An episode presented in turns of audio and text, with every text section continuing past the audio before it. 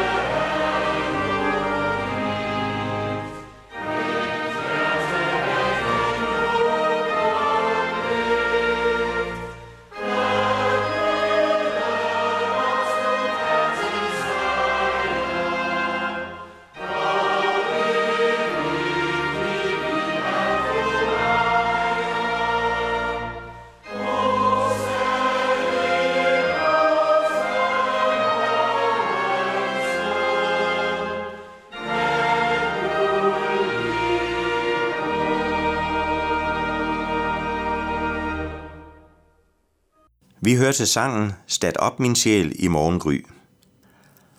I dag vil jeg sige noget om Jesu opstandelse. Altså det med, at Jesus, efter han var død på korset, tre dage efter blev levende igen og forlod graven. Når jeg vil sige noget om det, så er det fordi dette spørgsmål har været meget debatteret de sidste måneder. Det startede i julen med, at sovnepræst Per Ramsdal i aviser og på tv sagde, at han ikke tror på en fysisk opstandelse – både når det gælder Jesus og os mennesker. Det er simpelthen for overnaturligt til, at han kan tro på det, siger han. Og derfor stikker han også samtidig folk en nødløgn i forbindelse med begravelser, for ikke at gøre dem for kede af det. Hvis han nu står derude ved graven og siger til dem, at han slet ikke tror på, at det menneske, han nu har begravet, helt konkret skal blive levende igen, så bliver de jo bare kede af det. Og derfor stikker han dem samtidig en nødløgn. En af Per Ramsdals præstekollegaer på Nørrebro bakkede ham op og sagde, skrev i avisen, om mennesket Jesus konkret fysisk er opstået fra de døde, det er jo det mest uinteressante spørgsmål, man kan stille. og det nedskriver kristendommen til et spørgsmål om magi. Men når det fortælles os, at Kristus er opstanden, så er det livspoesi, der fortæller om håb i det håbløse, mening i det meningsløse og lys selv i det dybeste mørke. Og når disse tilskikkelser finder sted, der finder Kristi opstandelse sted. Uanset om et menneske ved navn Jesus er gået ud af grav eller ej. Sådan siger en præst på Nørrebro for at støtte op om Per, per Ramsdal. Biskoppen, som skal rådgive præsterne, han siger noget, der ligner det meget, men udtrykker det på lidt en anden måde. Han siger, jeg tror, at Jesus opstod fra de døde, men bliv mig fra livet med al den snak om biologi og fysik. Altså, Jesus er ikke opstået konkret fysisk, siger biskoppen. Og mange andre kloge folk i folkekirken har været på bane og siger det samme. Jesus er ikke bogstaveligt opstået af sin grav, men det skal forstås i overført betydning. Altså for eksempel, at Jesu budskab er opstået i blandt os. Budskabet om næstekærlighed, om håb og glæde osv.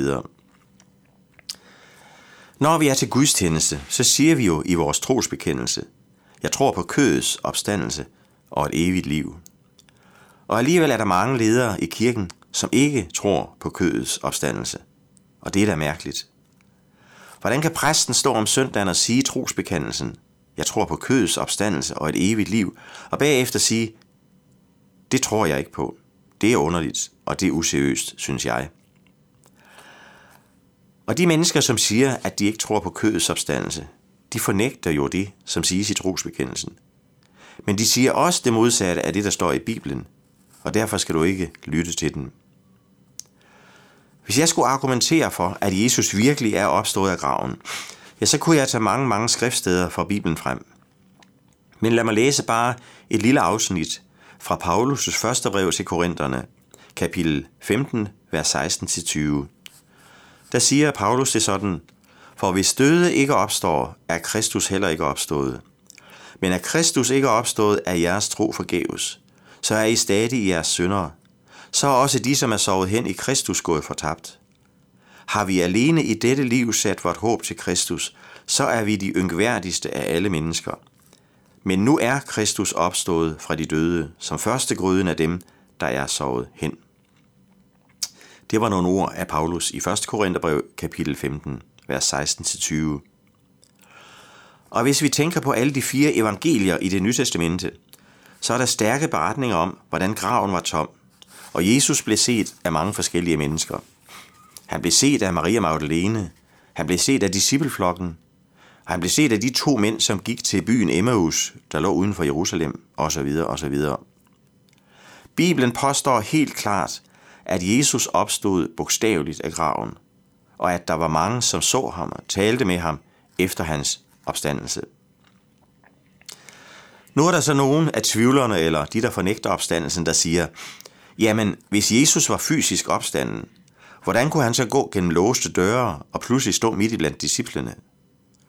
Til det vil jeg sige, jamen Bibelen giver jo tydeligt udtryk for, at Jesu lægeme efter opstandelsen havde en himmelsk dimension over sig. Blandt andet i Paulus' brev til Filipperne, kapitel 3, vers 21, der kalder han det Jesu herliggjorte læme.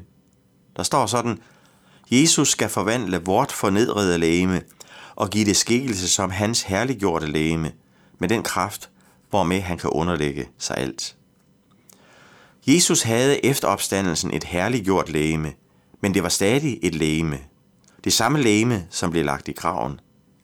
For disciplene fik jo lov til at mærke i hans hænder og hans side, så de kunne se og mærke, at det var ham, der var blevet korsfæstet. Og for at de ikke skulle tro, at han bare var en ånd, et spøgelse, så spiste og drak de sammen med ham. De talte helt konkret med ham og til ham, og han talte til dem. Så det, at Jesus gik gennem lukkede døre og så videre efter sin opstandelse, det siger ikke noget om, at han ikke var fysisk opstået. Nej, det fortæller os, at efter opstandelsen har dette jordiske lægeme fået en himmelsk dimension. Et herlig, herliggjort lægeme, et uforgængeligt lægeme. Så ja, Jesus er bogstaveligt fysisk opstået af graven. Og derfor kan vi, som tror på ham, også opstå af vores grave engang. Med et herligt gjort lægeme, et uforgængeligt lægeme, som Bibelen siger. Og derfor siger Paulus det også sådan i 1. Korintherbrev kapitel 15 i vers 20-22. Men nu er Kristus opstået fra de døde, som første gryden af dem, der er sovet hen. Fordi døden kom ved et menneske, er også de dødes opstandelse kommet ved et menneske. For ligesom alle dør med Adam, skal også alle gøres levende med Kristus. I morgen i min andagt, der vil jeg sige noget om, at Jesu opstandelse også har betydning for det liv, vi lever nu og her. Det er altså ikke først en gang, når vi skal opstå af vores grave, at det har betydning for os, det med Jesu opstandelse. Det har det allerede nu og her. Og det vil jeg sige noget mere om i min andagt i morgen. Nu vil vi bede en bøn. Gud, vi takker dig, fordi du er stærkere end døden, og at du derfor gjorde Jesus levende igen, da han lå i sin grav, og at du derfor også kan gøre os levende på opstandelsens dag. Nu vil vi høre sangen Se hvilken morgen, den synges af Marie Lind.